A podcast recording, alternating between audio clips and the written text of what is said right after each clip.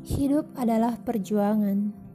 Kita adalah apa yang biasa ditempahkan pada diri kita.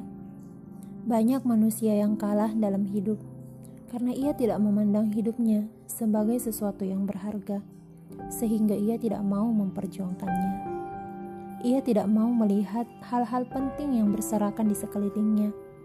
Karena itulah ia membiarkan hidupnya berjalan terus dan terus tanpa evaluasi.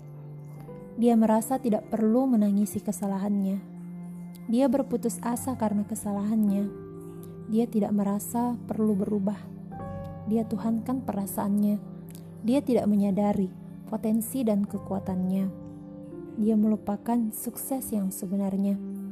Dia ingin bahagia dengan mantra karangan pribadi. Menyerah menjadi orang baik adalah gerbang menuju kekalahan besar. Maka, sangat penting bagi kita untuk terus bertahan. Bukankah di dalam diri kita ada sesuatu yang harus selalu kita cintai dan perjuangkan?